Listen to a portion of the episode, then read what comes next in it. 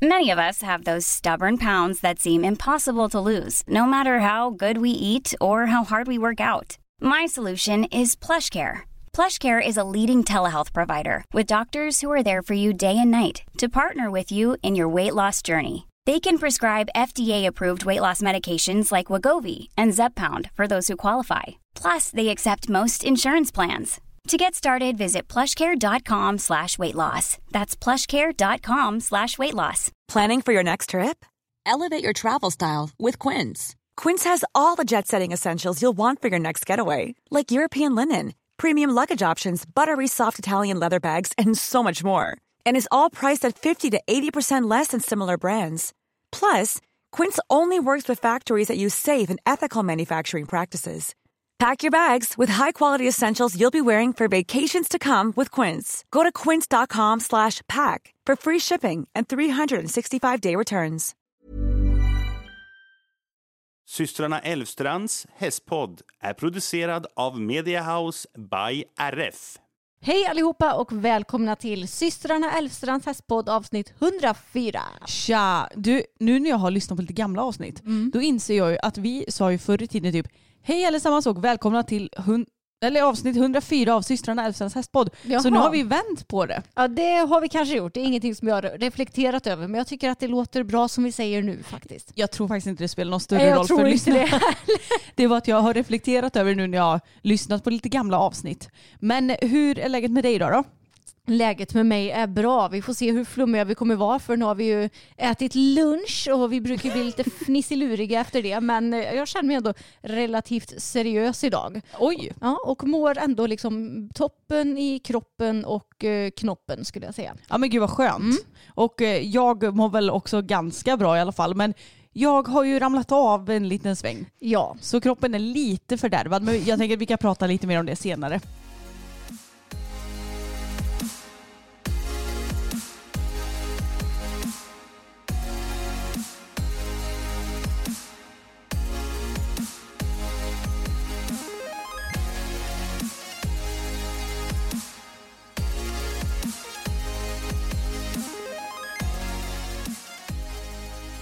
Ja men Anna, förra veckan det blev en riktigt intensiv vecka för oss rent jobbmässigt och jag vet att jag räknade ut att förra veckan så spelade vi in tre YouTube-videos, två poddavsnitt och eh, fotade och filmade ett samarbete till Instagram och sen så redigerade vi också det mesta av det här. Så det blev ju en intensiv vecka förra veckan och jag tror att den här veckan kommer nog bli lite lugnare skönt nog. Ja, alltså det är ju lite så man får jobba som egenföretagare. Att när jobben finns då får man jobba på och när eh, om man kan ta det lite lugnare får man göra det helt enkelt. Ja men precis. Och anledningen till att vi spelade in två poddavsnitt förra veckan det var ju för att vi fick hit en gäst Anna. Ja, alltså så himla spännande. Vi fick hit Kajsa Lundqvist som jag har ju tagit hjälp av, eller det har vi gjort båda två till våra djur. Och det blev ett väldigt intressant avsnitt. Jag eh, ska ta och klippa det i veckan tänker jag. Så får vi se om det hinner komma ut nästa vecka eller om det blir om två veckor. Ja. Men det ligger liksom i rullning i alla fall. Exakt och Kajsa är ju djurkommunikatör. Exakt. För er som inte har hängt med i våra tidigare avsnitt. Och eh, ja, det blev ett väldigt bra avsnitt tycker jag. Alltså så här utan att ha hört det då. Men det känns som att det blev väldigt bra när vi spelade in. Ja men vi hade ju bra snack i alla fall. Ja. Och Kajsa var väldigt bra på att prata och Mm. sådär. Men det var ju lite kul för att jag skulle lägga ut en story på systrarna Elfstrand, eh, våran Instagram. Och där kan man ju för övrigt följa oss om man vill vara lite mer engagerad i podden. För att Mm. det är där vi lägger upp om vi behöver frågor till något avsnitt eller man kan tipsa oss där och så vidare. Men så skulle jag lägga upp en bild med eh, en så här frågepoll där folk kunde ställa frågor till Kajsa då. Typ eh, hur är det att jobba som djurkommunikatör och hur länge har du gjort det? Alltså ja, vilka frågor som helst. Och då la jag upp en gullig bild på Siri i den storyn och tänkte liksom inte mer på det. Och sen så när vi skulle börja scrolla igenom alla frågor då, då är det så här Hej vad söt du är, vilken ras är du? hade, då hade folk uppfattat lite fel tror jag. Ja. De trodde att de skulle ställa frågor till Siri. Ja, alltså så gulligt. Ja, jättegulligt. Men eh, alltså, det, vi fick ihop jättebra frågor. Mm. Så ja, det avsnittet har ni att vänta er. Det har ni och eh, jag pratade med Kajsa och sa att det hade varit så intressant att, ja, men att hon skulle lyssna på Bella någon dag också. För den hästen hon är ju helt fantastisk men ibland så förstår jag mig inte riktigt på henne. Och eh, därför så hade det varit så intressant att liksom höra Bellas perspektiv på sitt liv och allting. Exakt, för när du tycker att hon blir lite kärring då kanske hon tycker att du är lite kärring. Ja men jag misstänker ju det. Ja. Alltså, vi, man kan säga så här att alltså, mitt och Bellas förhållande just nu det är lite tudelat för på marken, alltså när jag hanterar henne så är hon en riktig kärring just nu. Men när jag rider henne, alltså hon är finare än någonsin. Hon är så jäkla fin, hon är så jäkla medgörlig. Så det är liksom, hon är en kärring på marken men hon är hur fin som helst när jag rider. Alltså det är så märkligt för att det, alltså det senaste typ halvåret eller någonting, då har hon varit så himla lättlastad. Du har ju bara tagit ut henne och skickat på henne och så har Ja. det varit klart liksom. Men nu de två senaste gångerna när hon Ja. har åkt själv då, för det är ju då bekymret kommer, Och bara hemma. bara hemma ja, då har hon varit så himla sur. Ja. Hon har bara vägrat gå på Ja. transporten. Och Bella och Fokus, deras lastningsproblem är ju extremt olika. För Fokus han blir ju väldigt alltså, introvert och han vill liksom inte gå på. Det går långsamt, han kanske går på och sen backar han ut. Medan Bella är så här, nej jag tänker inte gå på. Sen stegrar hon sig och springer runt som en galning. Alltså det, hon, hon är ju mycket farligare än Fokus med sitt lastningsproblem för att hon är så himla explosiv. Eh, och jag blir så förvånad för som sagt det har gått så himla bra med lastningen nu ja, men det senaste halvåret minst skulle jag säga, kanske ännu längre än så. Och sen så bara en dag när jag ska lasta henne så vill hon inte gå på. Jag bara nej, vad tusan har hänt? Och hon är lite så här allmänt eh, ja, men lite allmänt bitchig i hanteringen. och eh, tidigare så tycker jag ändå att det här med hur hon är i hanteringen har gått lite hand i hand med hur hon är i ridningen. Alltså att eh, har hon varit lite sämre i hanteringen så har hon också varit sämre i ridningen. Men nu är hon ju så himla fin i ridningen så jag, jag, jag blir inte riktigt klok på henne. Nej, så det hade ju varit väldigt intressant att fråga Alltså, eh, hur kommer det sig att du gör så här? Eller hur vill du ha det när du lastas? Eller, ja, Ja. Jag vet inte. Precis. Det, det får vi ta någon dag. Ja, och om det är jag som kanske gör någonting omedvetet. Det Ja, men exakt. kan det ju mycket väl vara. Men det, ja, det, det är det här som är det alltså, roliga och kluriga med hästar helt klart. Okej, jag blir nästan så här, jag, jag vet knappt i vilken ände vi ska börja för det känns som att vi har gjort så mycket den här veckan.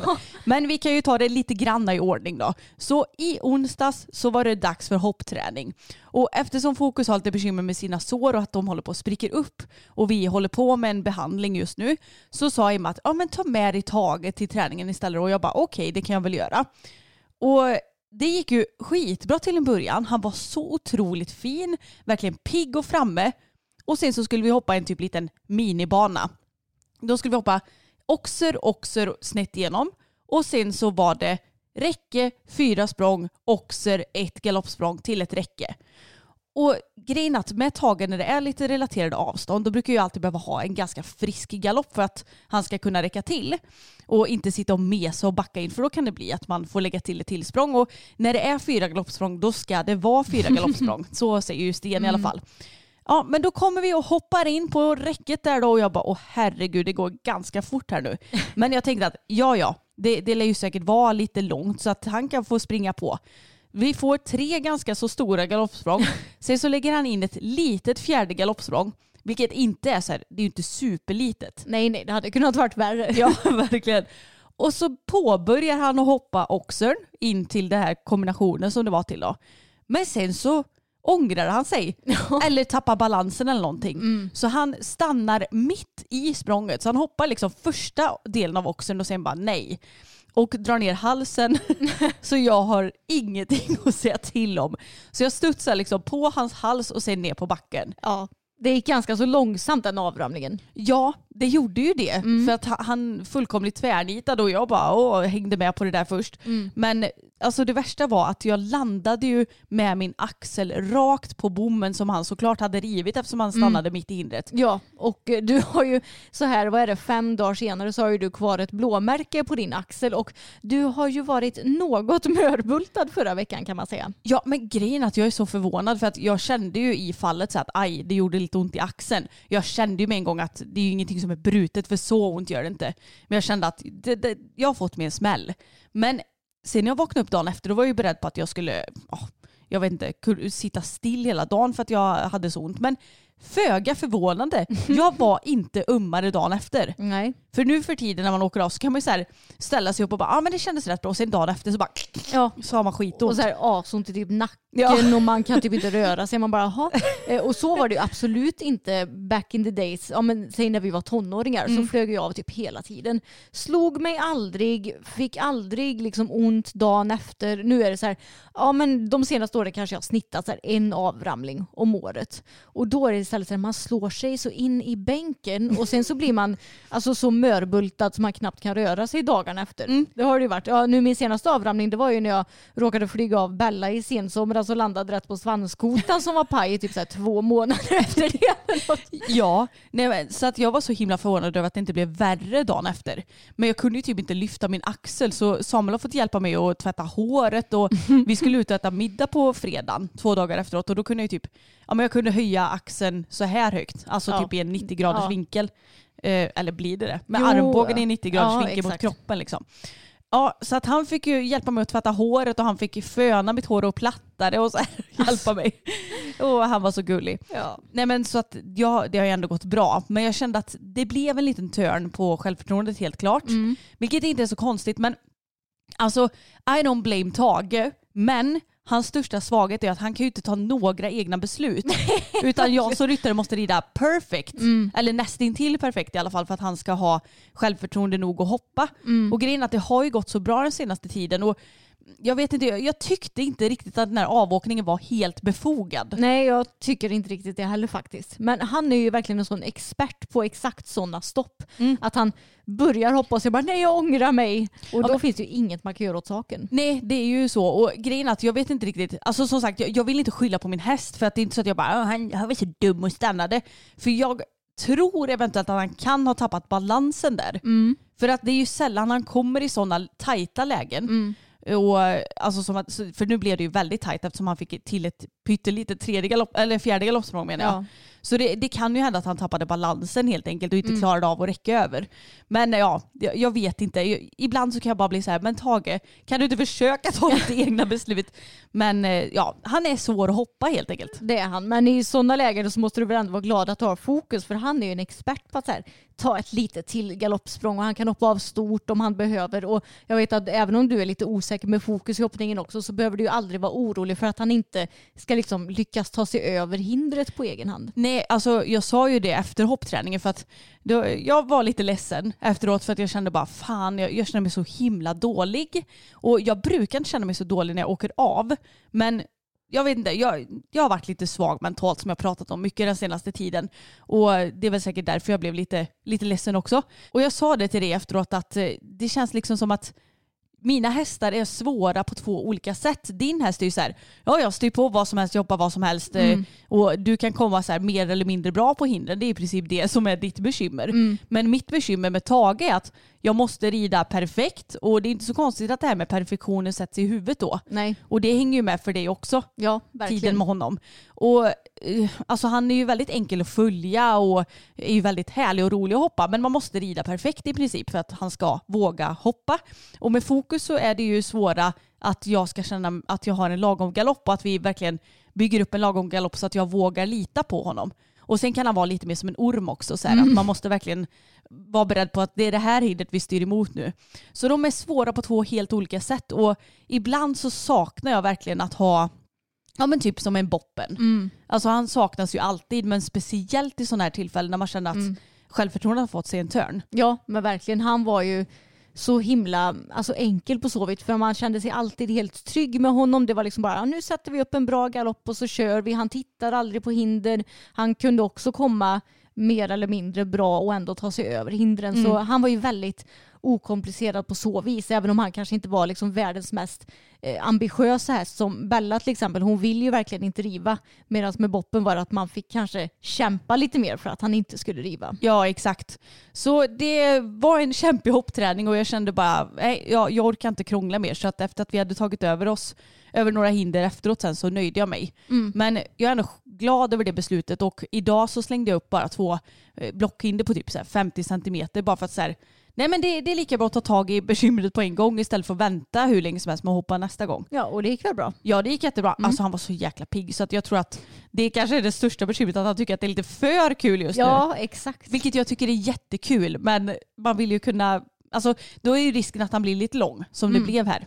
Men eh, ja, man eh, gör ju tabbar ibland helt klart och min axel mår bättre nu. Ja, idag har du till och med kunnat göra ett överkroppspass på gymmet. Så Ja, exakt så det går åt rätt håll. det gör det. Och när vi ändå är inne och snackar om hoppning så var ju jag och Belsan på PN Jump igår, alltså i söndags när ni hörde här. Och hon var så fin.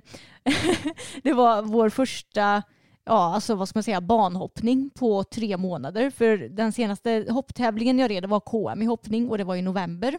Och nu är det ju februari och eh, det blir ingen hopptävling i februari men någon gång i mitten av mars så kommer hopptävlingarna dra igång på riktigt. Så då kände jag att nu har jag ändå varit ambitiös och tränat hoppning varje vecka för vi har ju både åkt till sten och vi har haft träningar på ridskolan. Och nu vill jag ut och träna på att hoppa bana för det är ofta det som är det svåra. Alltså när du hopptränar då får du testa på linjerna innan och ifall det är något tittigt hinder så får du eh, testa det innan det blir högt och allt vad det nu är. Så det blir ju genast svårare att bara åka ut och hoppa en random bana. Och eh, då åkte vi till Temta igår. Vi hade kanske egentligen tänkt åka till typ Alingsås dagen innan för de hade också PN Jump på lördagen men då så skulle vi podda med Kajsa så då åkte vi till Temta istället även om det är lite längre dit. Men en så himla mysig klubb för det första. Ja, alltså de är så familjära där tycker Ja, jag. Så himla goa och glada och det var så kul för när vi kom dit så var det, det var nästan som de hade ett disco på läktaren. Det var så hög partymusik, jättemycket folk där också. Och jag tänkte när jag kom att ja, oj jäklar vad mycket folk det är för då höll ju, de hade delat upp det väldigt smidigt. Så först hade de ridskolästar, sen hade de privatponnyer och sen hade de privatstorhästar. Och det var ju väldigt bra men då tänkte jag när det var privatponnysarna att ja men då kommer det nog vara lite mindre folk på läktaren sen när jag ska rida. Men det var det ju knappt utan det var ju nästan lika mycket folk då. Ja men alltså jag, jag tyckte det var så himla härligt för att ja men jag kan bli lite sån här att ska man nu vidare i livet och kanske hoppa lite större tävlingar, det behöver inte innebära Skandinavium, men det, det kanske är lite så här tittigare banor och så här och det kanske är lite högre musik, då är det ju perfekt att ha det på en pay and jump. Eller hur? Ja men verkligen så det var väldigt bra träning. Att det dels var lite hög musik, det var mycket folk på en kortsideläktare och Bella hon är ju tryckkänslig och jag vet att hon kan tycka att vissa typer av läktare är lite läskiga så jag tänkte att det kan hända att hon kommer reagera på den här kortsidan och då får jag bara vara med på det och stötta henne. Men hon reagerar ingenting. Det stod soptunnor i två olika hörn som man skulle tumma bajs i. Det tänkte jag att en sån grej det kan också vara någonting som hon reagerar på som tusan. Hon, hon tittar ju liksom sällan på hinder eller något sånt där. Hon är ingen tittig häst men just sådana grejer som liksom ger ett starkt tryck där hon kanske inte tycker att ett tryck normalt sett borde vara. Sådana grejer kan ju hon reagera på. Ja och det är också ganska lätt att så här, ja men vi har ju aldrig varit i ett ridhus där de haft soptunnor som gödselhantering. Så då kan det bli att man lätt som ryttare också hakar upp sig på sådana grejer. Och bara åh, nej men nu kommer hon titta på den här. Och det är bra att vara medveten om att den finns för ibland så kan man ju sitta på den här som bara åh, så rycker till och hoppar iväg. Men man får ju inte tänka, övertänka heller. Nej, men det var så skönt för jag red ju in på banan efter en väldigt lyckad framhoppning. Hon var så himla fin och det var också väldigt lugnt. Det var bara jag och ett till ekipage där så vi fick till väldigt bra framhoppning. Och då red jag ju runt och tittade lite på de här soptunnorna och så att hon skulle få se hela banan. Men hon stod liksom inte emot någonting. Hon tyckte inte att något var läskigt. Jag tänkte bara oj, det var ju det var ju trevligt att eh, vi är på det här goda humöret. Och eh, sen så hoppade vi 90 centimeter och en meter då. Och i 90 centimeter blev vi felfria. Hon var superfin hela banan, hoppade så himla bra. Jag tycker också att jag red bra hela banan, alltså såg bra avstånd, fick bra flyt och så vidare. Eh, I en meter, då, då kom ju solen ut ifrån sina moln. Och eh, Temta de har ett nytt väldigt fint ridhus som är, vad ska man säga, det är väldigt mycket ljusinsläpp på sidorna. Och eh, när solen är så låg som den är nu då kommer liksom solen in och speglar sig nästan i hindren. Så, alltså nästan lite som, tänk när du kör eller åker bil och du blir bländad av asfalten. Mm, exakt. Alltså så blev det för mig och hindren sen nu i en meterklassen. Så tyvärr så såg jag inte lika bra avstånd i en meter. Jag blev lite mer avvaktande för att ja, men jag blev lite osäker eftersom jag som sagt inte såg avstånd riktigt. Men Bella hon var superfin även den här rundan. Hon kändes lika bra den rundan som första rundan. Bara det att jag red ju tyvärr lite sämre. Mm. Och eh, vi fick en bom ner där för att ja, jag red för dåligt helt enkelt. Jag tappade galoppen och såg inte riktigt avstånd mot en oxer. Men annars var hon superfin, räddade mig i något läge där jag satte henne lite i skiten och så vidare. Så jag var så himla nöjd med henne den här tävlingen, eller Mm. PN-jumpen. Mm. Ja men alltså ni var superduktiga och det, alltså, vi ryttare är ju kanske väldigt mycket så att vi vill rida perfekt hela tiden. Mm. Men ibland så är det faktiskt bra att hon får eh, lösa saker själv som när du kanske inte satte henne jättebra på ett hinder. Ja. Att hon får ja, men bli lite smidig och kasta upp benen Mm. ändå. Det är ju skitbra att kunna träna på det också. Ja, och jag tror, alltså hon är en häst som gillar lite utmaningar. Så Mm. jag tror nästan hon tycker att det är lite kul att hon får göra någonting som är lite svårare. För hon är ju en sån häst som tycker att hon klarar sig själv. Ja. Och, så jag tror att hon tycker nog bara det är kul att hon kommer lite sämre på hinder ibland för att då får hon en lite större utmaning. Mm. Ja men det var jättemysigt och det var så kul att komma iväg i lite tävlingssammanhang igen tyckte jag. Mm. Och alltså det är så kul för det spelar ingen roll att det är pin jump. Jag blir ändå nervös när du ska hoppa. Jag fattar inte varför. Nej, jag vet. Men det är ju samma med mig när du är, alltså när jag åker med dig. Ja. När du ska, ja, det är ju främst när man hoppar då. Ja, Eh, inte lika nervöst kanske när det är dressyr. Och det är samma när jag ska tävla blir jag ju också mer nervös när jag hoppar än rider dressyr. För det Mm. känns som att när det kommer till dressyr du kan ju förbereda dig så mycket mer eftersom du redan vet hur programmet ska se ut. Och, och sådär. I hoppning så är det en helt ny bana och det är framhoppning och du vet inte hur tittiga hindren är och så vidare. Så dressyr är ju enklare att tävla på så vis. jo det är ju det och, och jag kan tycka lite i hoppningen är det verkligen så här, det är nu det gäller och du Mm. måste ta besluten rätt och så här. I dressyr självklart ska man, alltså man får ju kämpa lika mycket där. Men det blir ändå att man kan förbereda sig mycket mer som du säger. Ja, men exakt. Men jag måste bara säga också att i Tempta det var så himla härligt för typ i 90 centimeter då när jag hade varit felfri. Mm. Då när jag gått i mål, alltså jag fick så mycket applåder.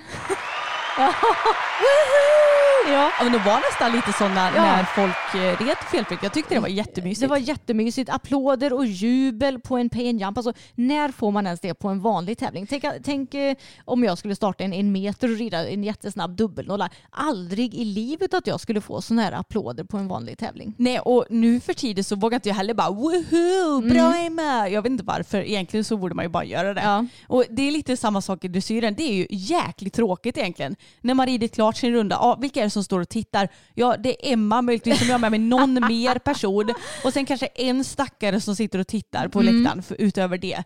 Inga applåder.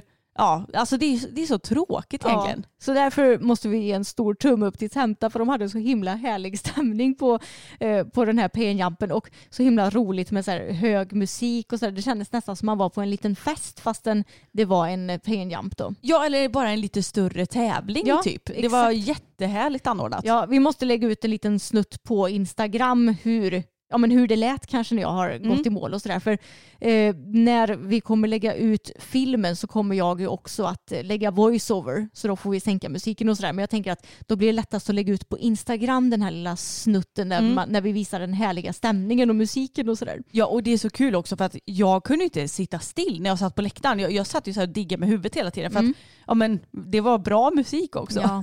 Och jag måste också tacka för alla fina DMs jag har fått efter den här PN-jumpen för vi har många följare i Temta som vi pratade med efter och eh, innan att jag red och jag har fått flera ja, men kommentarer och DMs efteråt och vi tog bilder och skrev autografer och det var väldigt mysigt och Bella hon fick också beröm. Ja. Hon kallades också för Finlandsfärjan en gång.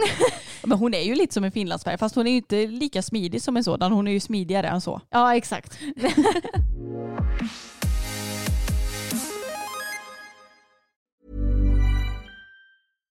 If you're looking for plump lips that last, you need to know about Juvederm lip fillers. With Juvederm Volbella XC and Juvederm Ultra XC, your lip look, whether it's subtle or bold, can last up to one full year with optimal treatment and no additional maintenance. Find a licensed specialist and see if it's right for you at juvederm.com today. That's J U V E D E R M.com. Add fullness to lips in adults over 21 with Juvederm Volbella XC or Juvederm Ultra XC. Do not use if you have severe allergies or a history of severe allergic reactions, or if you're allergic to lidocaine or the proteins used in Juvederm. Tell your doctor if you have a history of scarring or taking medicines that decrease the body's immune response or that can prolong bleeding. Common side effects include injection site redness, swelling, pain, tenderness, firmness, lumps, bumps, bruising, discoloration, or itching. As with all fillers, there's a rare risk of unintentional injection into a blood vessel, which can cause vision abnormalities, blindness, stroke, temporary scabs, or scarring. For full important safety information, visit juvederm.com. This Mother's Day, celebrate the extraordinary women in your life with a heartfelt gift from Blue Nile.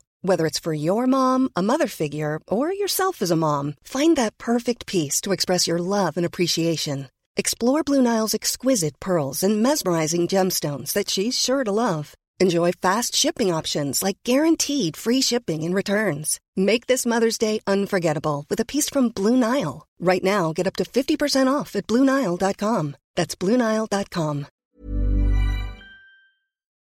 Något som vi också hann med förra veckan det var ju att äntligen så kom Anna och mentaltränade oss Emma. Ja. Eller ja, och så hästarna snarare.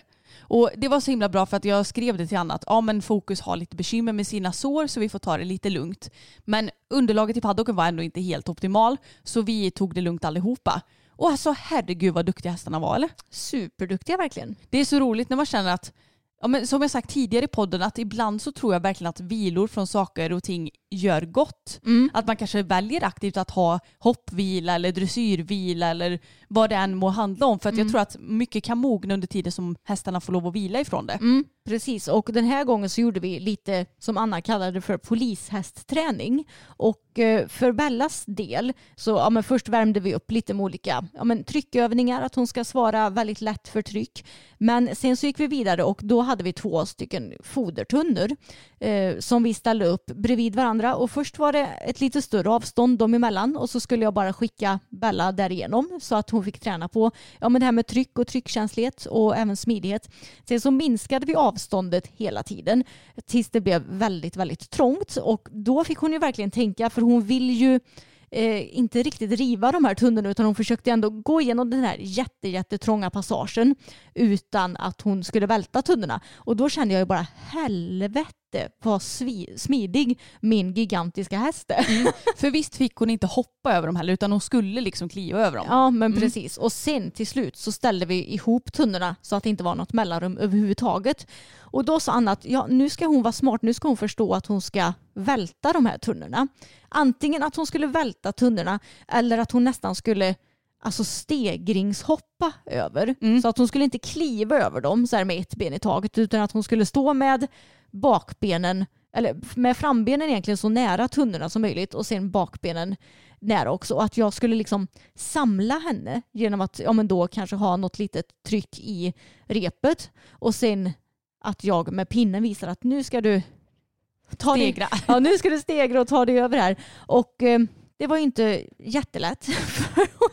Hon ville ju antingen bara kliva över eller så ville hon ja, men, ta ett vanligt hopp. Men det skulle ju vara något litet mellanting. Och det var det som var lite svårt att få till. Men jag fick till det ett par gånger i alla fall. Mm. Ja det var jättehäftigt framförallt första gången som ni gjorde det. Då tror jag att det blev lite sådär att oj det bara råkade bli så här. exakt. Och det är så häftigt att se henne för att då, då kryper hon liksom in till så nära hon kan och så stegrar hon och så landar hon på andra sidan om tunnorna och sen stannar hon där. Ja. Istället för att fullfölja ett helt språng. Så det var jättehäftigt att se och för Fokus del så var ju det här såklart mycket jobbigare. Han kunde gå igenom den smala passagen en gång men sen så när vi, ah, vi, vi tog det liksom inte längre för att man märkte att han tyckte det var väldigt jobbigt.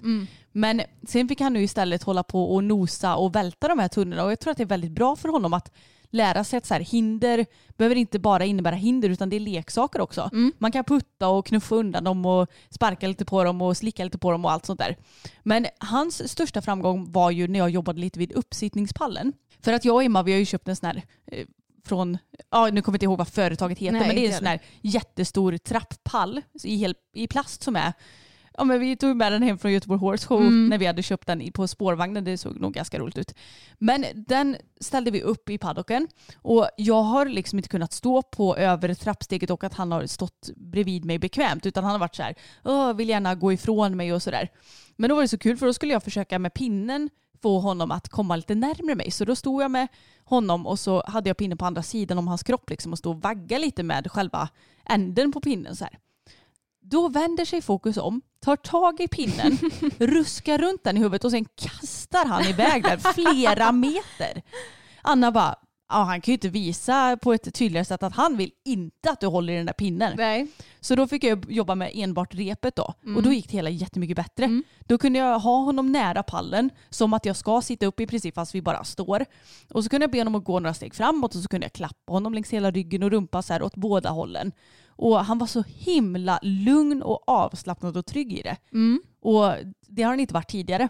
Så det här är nog en sån där grej som har fått smälta lite tror jag. Och sen så är det ju det här med tryckövningar tycker ju min häst är extremt jobbigt också. Mm. För att vi fick lägga repet som en sadeljord nästan kan man Ja. säga. Fast egentligen att den bara hamnar på sidan av magen. Som att man ska göra en skänkelvikning till exempel. Mm. Och då ska ju man med väldigt lätt tryck i repet med med båda ändar så här hålla så att de ska gå mot den. Och Fokus han ville ju gärna bara sparka bort det här repet så Mm. han fäktade med bakbenen och skulle så bita mot det. Men till slut så förstod han ändå grejen lite grann att han skulle komma mot mig. Men det märks ju att det är en väldigt jobbig grej för honom. Mm. Och därför är det så bra att komma på sådana här saker för att då kan vi också jobba med bekymren istället för att ja, det bara ska få vara. Ja, precis. Alltså, för Bellas del så är sådana övningar så mycket lättare. Mm. Eh, hon, jag vet att när vi började träna på sådana här vad ska man säga, tryckövningar, både när det kommer till eh, ja, men, att till exempel få hästen att backa med hjälp av repet eller att jag på olika sätt ska få henne att förflytta sin kropp åt sidled. Då i början så gick hon ju emot trycket väldigt mycket och det är ju helt naturligt att hästar gör det. Det är nog kanske den vanligaste reaktionen om de inte har tränat på det här tidigare. Men nu när jag ändå har tränat så här mycket på det, hon är så känslig. Alltså jag behövde knappt använda repet för jag hade också det som en liten sadeljord. Och eh, jag behövde ju knappt använda det utan det kunde bara ligga där och sen så går hon och följer mig jättebra. Så hon har ju mycket lättare för det här men det märks ju också i ridningen för hon har ju också mycket lättare att flytta kroppen i sidled än vad Fokus har. Ja, och jag vet att jag har ju klagat på att han är så himla svår att göra skänkelvikning på. Men det är ju egentligen inte så konstigt. Om han tycker att det här är så jobbigt då tycker han ju antagligen att min skänkel är minst lika jobbig när Ja. jag ber honom att flytta honom åt sidan. Så att jag tror att det här kommer nog ge en väldigt stor utveckling för oss Mm. när det väl lossnar. Ja, det tror jag med. Och eh, om eh, ja, en och en halv vecka typ så är det ju dags för årets första tävling för oss. Mm. Det blir dressyr i Vänersborg och jag ska rida lätt B1 och du med oss för C1. Och jag är ju väldigt taggad på den här tävlingen för Bella hon har känts så himla fin det senaste. Och eh, alltså det här med nedsittningen i traven, det har ju också verkligen lossat den senaste tiden tycker jag. Mm, vad tror du det beror på då? Ja, men jag har ju tränat core så in i bänken på gymmet. Gett mig fasen på att nu ska jag få en stark core. För core det är någonting som jag egentligen alltid har kanske lagt lite åt sidan på gymmet för att jag tycker att det är så tråkigt. Det är så svårt. Jag är väldigt svag naturligt i min core och det blev inte heller bättre för tre år sedan när jag fick mitt diskbråck. För då blev jag jätteskev dessutom i min kropp, mycket svagare i min vänstra core. Och då har det varit så nej men det är inte kul att träna core och jag känner mig bara så dålig. Vi människor vill ju sällan göra saker som vi är dåliga på. Nej. Men om man ska bli bättre på de dåliga sakerna så måste man ju faktiskt göra dem också. Mm. Och det är ju lite det jag har kommit till insikt med nu. Så nu har jag köttat på som tusan med core. Jag gör plankan fyra gånger i veckan och sen massa andra övningar. Men just plankan, det har varit en övning som jag verkligen har dratt mig ifrån att göra för att den är så jobbig och så trökig.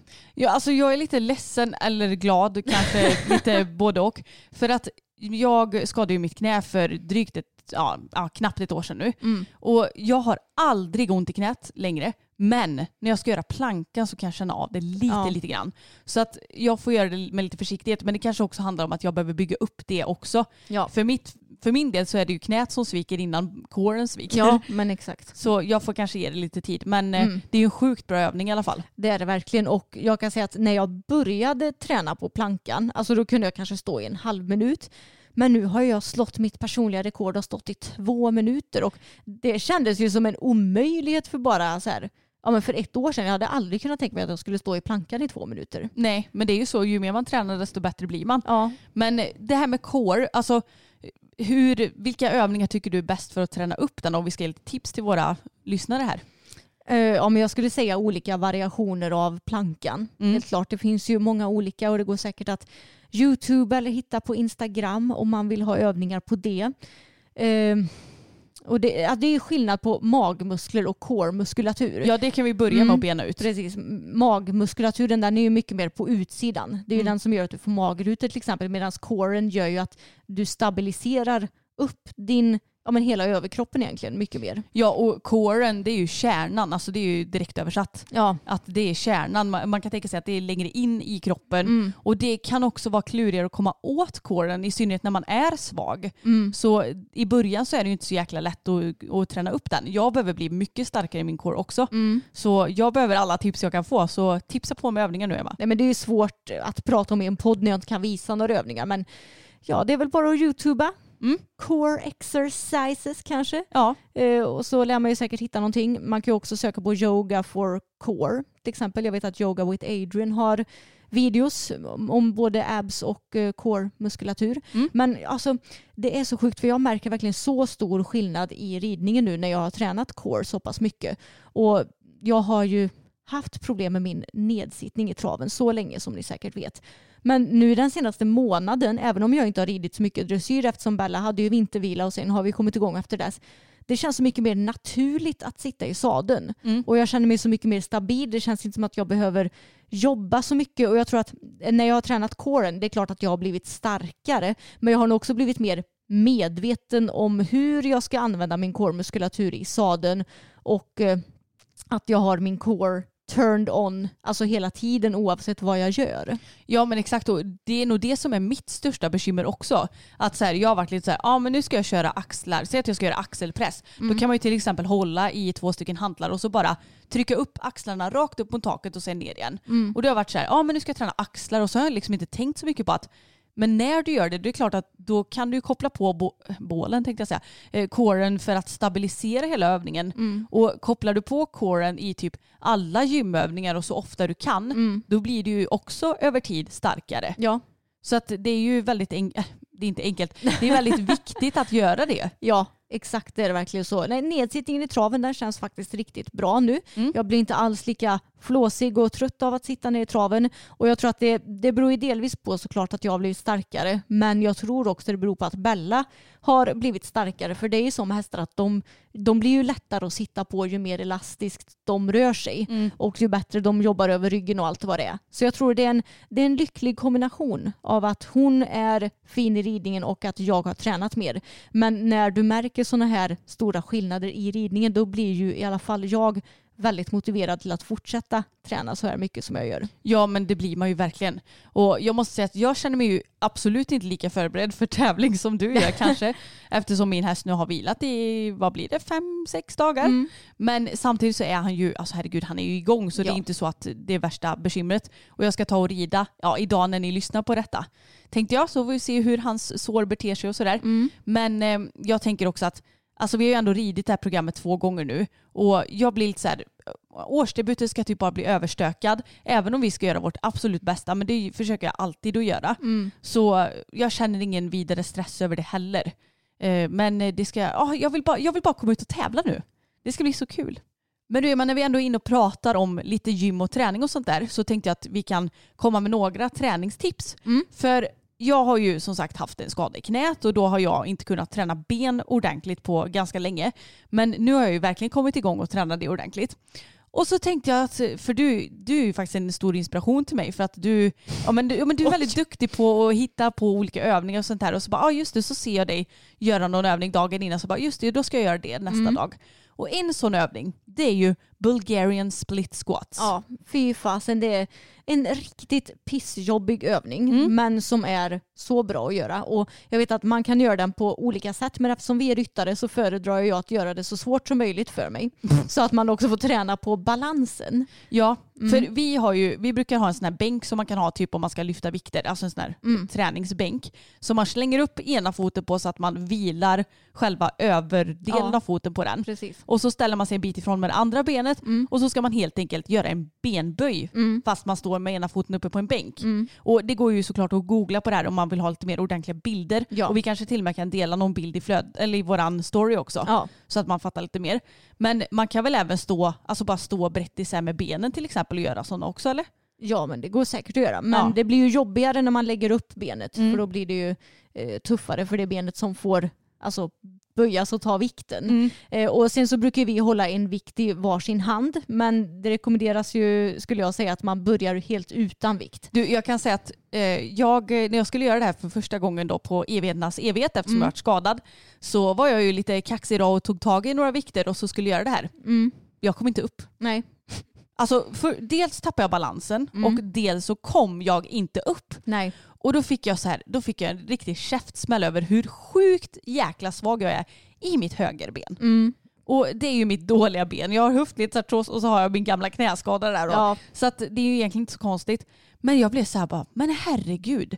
Hur ojämnt musklad kan en person vara? Mm. Och det är därför jag vill trycka på att om du är en person som tränar och går till gym så det är så jäkla bra med både enbensövningar men också enarmsövningar. För att Mm. ibland så om man gör mycket tvåben och tvåarmsövningar då kan man ju ta i mer med den starka sidan och så kan Precis. den svaga sidan bara hänga med lite grann. Ja. Nej, så Bulgarian split squats är ju en sådan övning som är så himla bra. Mm. Utfallssteg är också Ja. bra. Eh, vad finns det mer? Jag brukar göra benpress där jag kör ett ben i Ja. taget. Det går också bra. Eh, olika lunges, alltså att man, jag föredrar att göra, alltså det är ju som utfallssteg fast man gör det bak, bakåt. Ja, exakt. Så att du står still på ett ställe, på ett ställe sen tar du bak eh, höger ben och böjer det och sen upp igen och sen Mm. kan du ta bak vänster ben och sen upp igen för då Mm. tränar du också eh, alltså väldigt bra de här enbensteknikerna. Men jag måste bara säga att i Bulgarian split squats till exempel då måste du aktivera mycket core för att kunna hålla balansen. Mm. Och det var skitjobbigt för mig efter mitt diskbråck så därför har jag ju också, det är också en sån övning som jag inte har gjort på så här ett par år. Men sen nu när jag har tänkt att nu jäklar ska jag bli liksidig, jag ska stärka upp min core, då har jag tvingat mig själv att göra den. Mm. Och den har varit så svår för jag liksom, mitt, det roliga med mig är att mitt vänsterben är starkare än mitt högerben. Men jag har mitt diskbråck på vänster sida. Så jag har liksom känt att rent styrkemässigt är det ju lättare med vänster ben. Men jag har varit så himla obalanserad och svag i kroppen så det har nästan gjort lite ont i så ryggen på vänster sida när jag har gjort den. Men nu när jag har både tränat uh, ren core ett tag och när jag har gjort den här övningen ett tag så går det så lätt och jag känner mig så mycket mer liksidig nu. Mm, men det är ju så himla värt att lägga lite tid på det. Och jag har också några tips ifall man har, som mig, väldigt dålig balans i det nu när man är i startgropen. Ha gärna en bänk eller någon stång eller någonting framför dig. För att om du tappar balansen så kan du ta tag i någonting. Eller om man gör som vi gjorde när vi tränade lite mer ihop Emma. Då höll ju vi varandra i händerna så här. Och ifall det var så att man kände att man tappade balansen så liksom kunde man grabba tag i den andra. Ifall man tränar tillsammans med en kompis så går det också väldigt bra. Men det är, jag måste verkligen slå ett slag för den övningen för att den är sjukt jobbig men den är så bra för hela kroppen egentligen. Ja, och väldigt bra för hela benen och beroende på hur du sätter foten så kan du ju välja att antingen träna mer framsida lår eller mer rumpa. Mm. Men eh, ja, vi får väl eh, lägga ut lite bild i story och vår eh, ja, men höjdpunkt då med Mm. podden så kan ni se lite mer hur den övningen ser ut. Den 4 februari 2016, vet du vad som hände då? Ja, jag vet ju det bara för att du la ut nyss på eh, Instagram eller vad det var. Men då fick du ditt BE-körkort. Ja men alltså så gött. Så nu har jag alltså firat sex år med det här körkortet. Mm. Det känns på sätt och vis så himla länge sedan samtidigt som det känns väldigt nyss. Mm. Eh, Det är konstigt hur det kan vara så med typ allt. Och det roliga är att Samuel håller på att plugga för fullt nu till sitt BE-körkort för att han ska börja köra rally i år har han tänkt och ja, då behöver man ju ha ett eh, tungt körkort för det. Mm. Annars så får ju hans fru ställa upp och köra. Ja, och det kanske du inte är så sugen på att göra varje gång han ska tävla. Nej, inte varje gång. Utan det är ju skönt om han kan ta sig själv Mm. eh, framåt också. Men jag tyckte det var så himla kul för att det var ju, alltså på YouTube, då kan man ju klicka sig in på så här senaste kommentarer. Och det gäller ju alla videos, även om Mm. vi har lagt upp en video för 20 år sedan. Jag har Ja. inte någon så gammal video, men Och då hade det kommit upp en så himla rolig kommentar, för vi har ju en video om hur vi tog vårt BI-körkort. Ja, jag var inne och tittade på den videon nu och det är sjukt att den har nästan 70 000 visningar. Ja det är helt galet. Jag tror den heter typ så här, att ta BE-körkort eller något sånt där. Mm. För jag vet att vi fick många förfrågningar när vi höll på att ta BE-körkort. Eh, ja, men lite hur det går till och vad man behöver tänka på. Så då gjorde vi en sån video. Och det är väl än idag folk som söker på det här på YouTube och som hittar till vår video. Ja. Och det var så kul. Tyvärr så tror jag att den kommentaren är borttagen nu för jag gick in och tittade på de senaste kommentarerna och då såg jag inte den där. Eh, eller så ligger den någonstans bara att jag inte kan hitta den. Mm. Men då var det någon man som hade kommenterat ja, men på ett ungefär då. Eh, det är nästan helt omöjligt att ta B-körkort så det är inte värt att lägga tiden på det. Jag har försökt nu i ja, ett halvår eller vad det nu var. Jag har gjort teoriprovet så många gånger men jag klarar det aldrig så det är ingen idé. Det är bättre att lägga sin tid och pengar på något annat. Ja och sa han inte också typ att jag har bara kastat en massa pengar Jo. i sjön eller något sånt där? Jo, exakt. Ja, och grejen är så här att det är ju absolut inte omöjligt att ta det. För Nej, menar, det är många människor som har tagit Ja. B-körkort genom åren. verkligen, så det, det är inte omöjligt. Men däremot så är det ju svårare än det vanliga körkortet, alltså Ja. B-kortet. Ja precis, det var mycket svårare tycker jag. Men sen är det också så här, det är omöjligt. Ja, alltså, för mig som är en jätteoteknisk människa skulle det vara nästan en omöjlighet att sätta ihop en IKEA-möbel. Medan för någon annan så är det en väldigt enkel grej. Ja. Och jag menar det är ju samma sak med B-kort. För vissa är det, pappa till exempel, så var ju det hur lätt som helst. Alltså jag blev så irriterad på honom. För att grejen att jag är ju inte jätteduktig på att läsa. Alltså, Mm. det, jag är ju bättre på det tekniska, det har vi pratat Ja. om många gånger. Och jag pluggade och pluggade på det här stackars körkortet. Och grejen att när vi tränade på så här elevportalen som det fanns, då fick jag ju typ så här, ja men de flesta rätten. Ja. Men problemet är typ att man lär ju sig de frågorna. Mm. Och när vi väl skulle göra provet då, då tyckte jag att det var typ helt andra frågor. Det var jättemycket svårare frågor Ja. och frågor som vi inte hade tränat på överhuvudtaget. typ. Nej, och det kom upp någon skylt som jag bara, alltså jag har aldrig sett skylten i hela mitt liv. Men vad betyder det? Ja, exakt. Nej, men så då, då fick ju jag, första gången så blev jag underkänd. Och andra gången så fick jag 44 och det var 44 man skulle ha. Så du fick precis godkänt. Ja, alltså gud vad jag andades ut när det stod godkänd och så när jag tittade på resultatet jag bara men gud det var verkligen på håret så här. Det hade ju lika väl kunnat bli åt andra hållet att man Ja. fick 43 liksom. Exakt. Nej men så det var skönt och eh, då när jag pratade med pappa så här, för jag tror att han, han tog nog teorin typ ja, men samma dag fast på, ett an, på en annan ort eller någonting för det fanns inte tider för honom där. Han bara ah, det var lite förargligt för jag fick ju ett fel. Ja, så han fick nästan alla rätt. Jag bara ursäkta jag klarade mig precis och du beklagar över att du har ett fel. Kommer du ihåg vad du fick Emma? Nej, jag fick, eh, alltså det var inte precis på gränsen, det var någonstans mitt emellan alla rätt och precis godkänt. Ja, Ja så du fick några poäng över liksom. jag hade ändå ganska bra marginal tror jag. Ja, alltså det spelar ju ingen roll för jag menar godkänd är ju godkänd. Ja, exakt. Och så är det ju. Men äh, jag vet inte, det känns ju lite bättre för själen om man har några poäng till över. För nu kändes det mer som att det kunde typ lika gärna vara en slump att jag råkade svara rätt på en fråga. Mm. Men i vår familj då var ju pappa den enda som klarade allting på första försöket. Mm. Han klarade ju både uppkörningen och teorin på första försöket. Eh, Medan du kuggade ju en gång på teorin Mm. och sen klarade det. Och jag lyckades ju kugga på uppkörningen. Och det var så kul för att som vanligt när det kommer till Emma Elfstrand så var det ju inte hon som hade fel utan det var ju kontrollanten som var konstig. Ja, ja, Ja. precis. Ja. men jag tyckte att han var lite kinkig. Och, eller nej, för jag förstod ju. Jag, han, sa, han hade två stycken olika kritiker mot mig.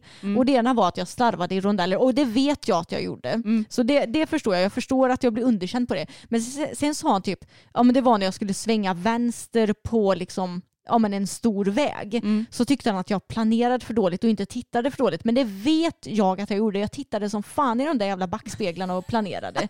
eh, så det, det blev jag faktiskt irriterad över att han sa. Men jag kan ändå fatta att jag blev underkänd för jag, jag, jag slarvade lite i rondeller. Och det var ju det som var problemet för vår del också. Vi hade ju aldrig tagit någon körlektion innan utan vi hade bara ja, men, tränat på den här säkerhetskontrollen som skulle vara först. Så det kunde vi ju bra. Men när du har haft körkort i, ja för min del så blev det väl sju år tror jag, innan vi skulle ta B-körkort. Alltså du blir ju slarvig när det kommer till vissa grejer och mycket går ju bara per automatik. Mm. Och när du ska köra upp så måste du ju vara jättenoggrann med att ja, men allt ifrån titta i backspeglar till att motorbromsa och allt vad det nu kan vara. Exakt, så det är ju ganska mycket att tänka på. Mm. Det är det ju. Men eh, alltså jag, jag vill bara säga det när vi ändå pratar om det här med att ta körkort. Att Mm. Jag tycker verkligen inte att man ska lägga någon skam i att man kuggar. Nej. För att det känns som att alla, alltså inklusive mig själv när jag var, speciellt när jag var 18 och skulle ta B-kort så var det så här, ah, man ska klara sig på första försöket typ. Det är klart man vill det. Mm. Men jag menar, det är inte hela världen om man inte gör det. Nej, och det ska också tilläggas att bara för att du eh, klarar av att ta körkort så betyder det inte att du egentligen borde vistas i trafiken med en bil.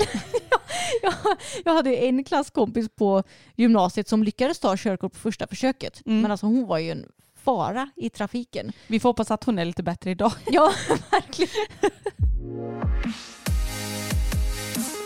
Ja, det har väl inte undgått någon. Jag tror inte vi har pratat om det här i podden. Men Göteborg Horse Show är ju inställt. Mm. Och det var ju inte så konstigt för jag menar eh, pandemin har ju ändå, eller den pågår ju fortfarande liksom. Och det var inget tal om då när de ställde in detta att restriktionerna på något vis skulle lätta eller sådär. Nej. Och nu så har ju då regeringen, eller Ja. det som Ja. går ut med sånt där, kommit fram till att nu ska restriktionerna lättas helt imorgon när vi lyssnar på detta. Mm.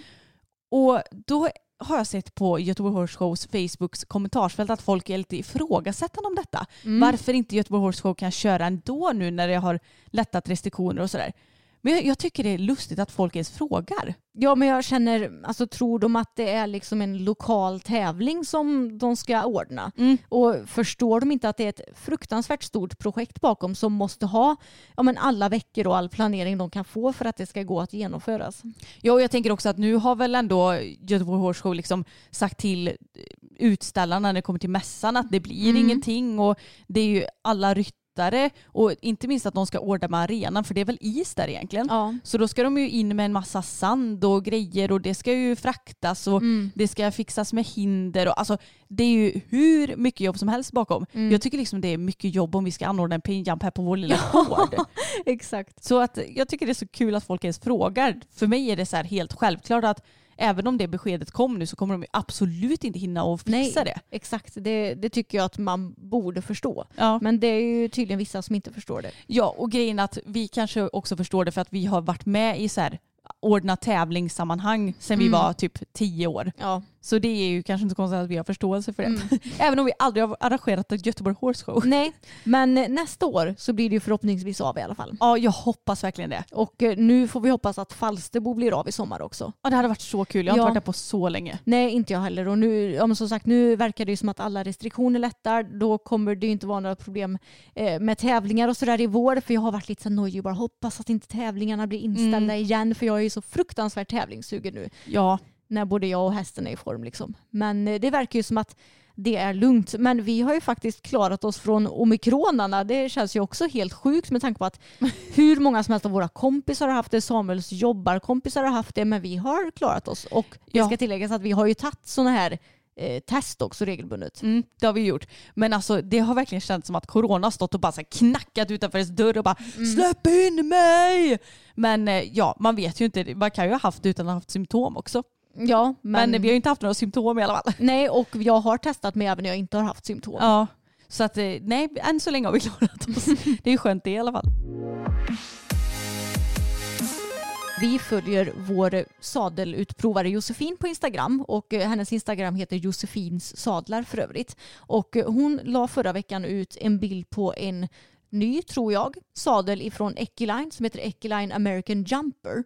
Och den här sadeln det är en hoppsadel då, som har stigbygelkrampan placerad två centimeter längre bak än de traditionella. Och jag tyckte att det var så intressant för jag har aldrig hört talas om någon annan sadel som har det. Och jag tänkte genast att vilken bra idé. För att det borde ju göra att den här lodrätta sitsen blir enklare att uppnå i hoppningen.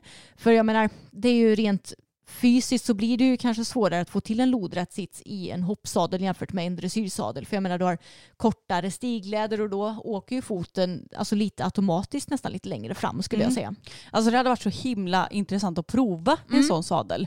Sen så vet jag inte om jag är så sugen på att lägga nya pengar på en sadel för att nu har ju jag mina sadlar. Ja, Och jag tänker så länge de funkar så är jag ju jätteglad för det. ja, Men det hade varit så himla intressant. ja, och se om det blir liksom någon skillnad på balansen och den lodrätta sitsen och sådär. Det bör ju bli det. Ja, det bör ju bli Men jag är lite så här också. Jag tänker ju att jag har ju typ alltid haft problem med hoppningen med att mina skänklar vill åka bak i sprången. Ja. Så jag tänker, tänk om jag hade haft den här sadeln då kanske de hade kanat bak ännu mer. Ja, det är ju sånt man inte riktigt vet när man inte har provat. Nej. Men samtidigt så tänker jag om, om själva grundpositionen är lite längre bak då kanske du med lätthet kan försöka trampa lite mer ner och fram Mm. i stigbyggen. Och att de då blir stabilare så. Ja, jag vet kanske. inte. Nej, jag vet inte heller. Det hade varit väldigt intressant att prova, som sagt. Ja, vi bara Och- Josefin du får komma hit så vi får prova den. Ja, men precis. Men det är väldigt smart och jag känner att varför har ingen tänkt på det här förut? Ja, det kanske de har, Ja. men vi visste inte om det i alla fall. Nej, nej, det är ju sant. Men eh, en kul idé. Men samtidigt så känner jag så här att för min del så känner jag att alltså, det spelar väl inte så stor roll om man sitter i lite stolsits i hoppsadeln och när man hoppar. För jag tänker att när du hoppar då lutar du dig ofta framåt och står upp i lätt sits och då får du ju fortfarande kanske lite mer eh, axelpartiet över, över hälen. Om du Mm. fattar vad jag menar. Om Mm. man lutar sig oftast lite mer framåt i hoppning. Så jag har nog aldrig riktigt sett det som ett problem om jag skulle rida lite i stolsits när jag rider i hoppsadel. Nej, men samtidigt så tycker jag det är roligt att det kommer fler och fler sadlar som det känns som att det, ja, men det passar flera olika ryttare än att det bara är så här, vi har typ en standardsadel. Mm. Det är ju kul att vi rider i modern tid nu och Mm. att det faktiskt finns massa olika sadlar. Gibson la igår, när vi spelade in den här podden, upp en artikel om ännu en ryttare som har ja, men använt sig av barrering av ett slag kan man säga. Och jag tänker att jag kan läsa den här artikeln. Mm. Rubriken lyder Spikar i benskydden, hoppryttare avstängd. En brittisk hoppryttare använde bakbenskydd med små vassa spikar på insidan i samband med tävling. Nu stängs ryttaren av i fyra år. Vid en internationell hopptävling på trestjärnig nivå i Abu Dhabi i februari 2021 la en FEI steward märke till att en häst hoppade med annorlunda bakbensteknik. När hästens bakbensskydd sedan kontrollerades så upptäcktes spikar på insidan av skydden och det fanns även spår av blod inuti skydden. Efter ett par språng på framhoppningen tog en person av bakbenskydden från den aktuella hästen och slängde skydden vid ett buskage vid sidan om uppvärmningsarenan. Det var när stewarden gick dit för att undersöka skydden som hon upptäckte att skydden innehöll små vassa spikar och att det även fanns spår av blod. När veterinär sedan undersökte hästen på plats så syntes inget direkt blod på hästen. Men däremot så fanns det spår av både nyare och äldre sår, vilket indikerar att liknande skydd har använts på samma häst vid tidigare tillfällen. De vita hårstrån som vuxit ut på bakbenen indikerar att där tidigare funnits gamla sår som nu hade läkt igen. Man lade även märke till att hästen reagerade och var känslig när det kom till beröring av bakbenen. Den brittiska ryttaren som red menar å sin sida att det var den tillfälligt anställda hästskötaren som satte dit benskydden utan ryttarens vetskap. ryttaren nekar till anklagelserna om horse abuse. Den internationella ridsportförbundets tribunal ser allvarligt på händelsen och har fattat ett beslut om avstängning i fyra år samt att ry- ryttaren ska betala cirka 100 000 kronor i böter samt ytterligare 20 000 kronor för administrativa kostnader till FEI. Den person som tog av skydden på framridningen och slängde iväg dem, en ryttare från Syrien, stängs också av från tävling för sin medverkan i det aktuella fallet. Mm. Det är ju himla märkligt att så fort en ryttare blir anklagad för någonting, ja då är det ju någon annan som har gjort något fel. Ja men Mm. gud, ja, Som, du eh, kan väl inte tro att det är den som har bestämt det, här? Det var en tillfällig anställd. Ja okej, som att en tillfällig anställd skulle våga sätta i så här spikar i benskydd. Nej, men snälla någon när man Ja. är typ så här vikarie eller Mm. anställd eller nyanställd, man vågar ju för fan knappt andas för att man vill göra rätt. Nej, och det var ju lite samma i Ludger-fallet. Nej men det var ju någon som hade lagt de där bommarna där för filmens skull. Ja, ja, och Ja. jag menar den bommen den skulle egentligen ha slängts men den hade ju någon hittat i någon vrå. Man bara, ja okej. Ja, ja, det är lustigt när de håller på att bortförklara sig. Ja, verkligen. Men det känns ju i alla fall skönt att den här ryttaren har fått eh, någon form av åtgärd Mm. och avstängd i fyra år. Jag, jag vet inte om jag tycker att det är tillräckligt egentligen för att jag tycker Mm. att eh, personen lika väl kan få bli avstängd för resten av sitt liv. Liksom. Jo. Men samtidigt så är det ju ändå en åtgärd. Det får man ju kanske vara något glad för. Ja. Men problemet är att det hindrar ju inte personen från att hålla på med samma skit hemma heller. Nej, precis. Men eh, man får väl hoppas att, ja, jag vet, nu har de väl inte gått ut med vem den här ryttaren är och det verkar ju vara en relativt okänd ryttare. Så frågan är ju hur, ja, men man får väl hoppas att de i Storbritannien kanske har lite koll på vilken den här ryttaren är så att folk inte vill lämna sina hästar till den här personen. Mm. Eh, men som sagt, jag har ingen aning om vem det är och det spelar egentligen ingen roll. Men jag tycker att det är väldigt bra att, ja men som den här stewarden, att han verkligen hade koll och eh, ja, men såg för det första att hästen eh, hoppade med en annorlunda teknik. Bara det tycker jag är väldigt alltså, uppmärksamt. Mm, verkligen. Och sen att den höll en, ett extra öga då på den hästen och såg vad de gjorde och kunde då göra så att det, faktiskt blev riktiga konsekvenser då för den här ryttaren. Ja, alltså i det här fallet så var ju verkligen rätt person vid rätt plats vid Mm. rätt tillfälle. Nej, jag blir bara så jäkla trött på att det, det känns som att det kommer upp nya fall hela tiden om barrering på olika vis och jag kan verkligen inte för hela min själ förstå varför man känner att pengar är så viktigt att jag måste skada min häst för Nej. det. Jag blir så trött på folk bara. Ibland undrar jag ju verkligen vart hästsporten tar vägen och det är ju sådana här personer som gör att hela ridsporten får dåligt rykte tycker jag. Mm. Ja, verkligen. Och det är också, alltså, när det kommer upp sådana här grejer, det är också en grej som jag har tänkt på det senaste. Att jag har egentligen alltså aldrig haft någon stor förebild inom ridsporten, Nej. varken i hoppning eller dressyr.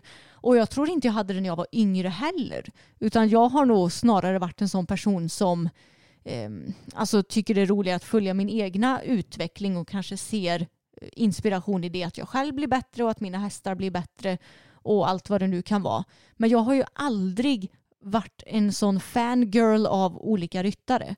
Och när jag var liten så var jag ju inte medveten om vilken skit som finns inom ridsporten. Mm. Men nu är jag mer sån att alltså jag kan inte riktigt med att dyrka en ryttare så mycket. För tänk då om något sånt här till exempel skulle komma upp om den här ryttaren.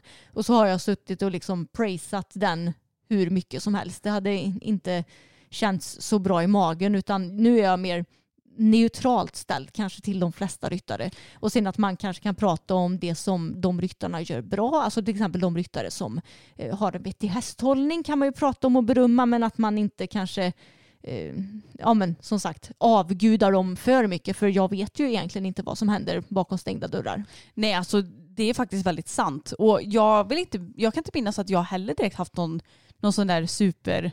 Eller kan du minnas att jag haft någon Du riktig var väl ändå ganska så mycket Malin-fan när du var liten eller? Jo, det var jag Fast kanske. det var väl alla visserligen? Ja, det kändes lite så. Mm. Men eh, jag tror... Alltså, det är så här, man, man tror ju inte något illa om dem heller såklart. Men Mm. man vet ju aldrig. Och grejen att jag har också på senare år blivit lite så här att jag kan snarare inspireras av folks ridning, alltså det man ser. Mm. ser sitter jag på en tävling i Skandinavien till exempel så kan jag säga ja men wow den här personen tycker jag verkligen rider så fint. Mm. Men jag tror att man får lägga det där, eller för mig så blir det så i alla fall, att man, så här, man hittar inspirationen där och sen Mm. får man typ skita i det andra. Ja, Och det är nog också därför jag inte heller har någon sån här superförebild. nej exakt och det är väl egentligen ganska hälsosamt skulle jag säga. Ja, även om jag, jag tycker inte det är fel att ha förebilder heller såklart. Nej.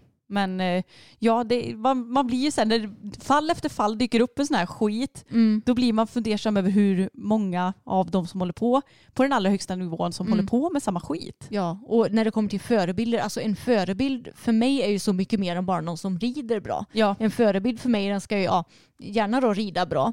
Eh, den ska vara snäll mot sina hästar, den ska ha bra hästhållning, den ska vara schysst mot sin personal. Alltså det är så mycket som ska in i den här förebildsfrågan. Mm. Och som sagt det enda jag kan se ja, det är du rider bra. Och så kanske om de lägger ut på sociala medier hur sina hästar har det, ja då kan man ju se det men man ser ju fortfarande inte allting. nej exakt. Så det, ja, det, det är svårt. Det gäller ju att vara väldigt, väldigt transparent för att, eh, man ska, alltså för att jag ska kunna se någon som en förebild och det tror jag inte att det finns någon som är så pass transparent att jag kan veta det. Nej, och jag menar det är inte så kul heller om man, om man känner så här att ja men gud det här var verkligen en bra person på många plan och så får man höra bara nej det, den är en jävla röv mot sin personal. Då blir man så här, jaha har jag hyllat den här personen Mm. som uppenbarligen är en, en idiot mot andra människor. Mm. Det är ju inte heller kul. Nej. Ja men det var allt för det här avsnittet hörni. Tack för att ni har lyssnat. Glöm inte att prenumerera på vår YouTube-kanal om ni inte redan gör det för då får ni ju se min avramling IRL tänkte jag säga. Det blir det ju inte riktigt men ni får se den på film i alla fall. Mm. Och sen så har vi också Instagram, systrarna Elfstrand och vi har privata Instagramkonton också, Anna Elfstrand och Emma Elfstrand. Det stämmer bra det. Mm. Ha det gött så hörs vi igen om en vecka. Det gör vi. Hej då! Mom deserves the best, and there's no better place to shop for Mother's Day than Whole Foods Market. They're your destination for unbeatable savings, from premium gifts to show-stopping flowers and irresistible desserts. Start by saving 33% with Prime on all body care and candles. Then get a 15-stem bunch of tulips for just $9.99 each with Prime. Round out Mom's menu with festive rosé, irresistible berry chantilly cake, and more special treats. Come celebrate Mother's Day at Whole Foods Market. Normally, being a little extra can be a bit much, but when it comes to healthcare, it pays to be extra. And United Healthcare makes it easy with Health Protector Guard fixed indemnity insurance plans. Underwritten by Golden Rule Insurance Company, they supplement your primary plan, helping you manage out of pocket costs without the usual requirements and restrictions like deductibles and enrollment periods. So when it comes to covering your medical bills, you can feel good about being a little extra. Visit uh1.com to find the Health Protector Guard plan for you.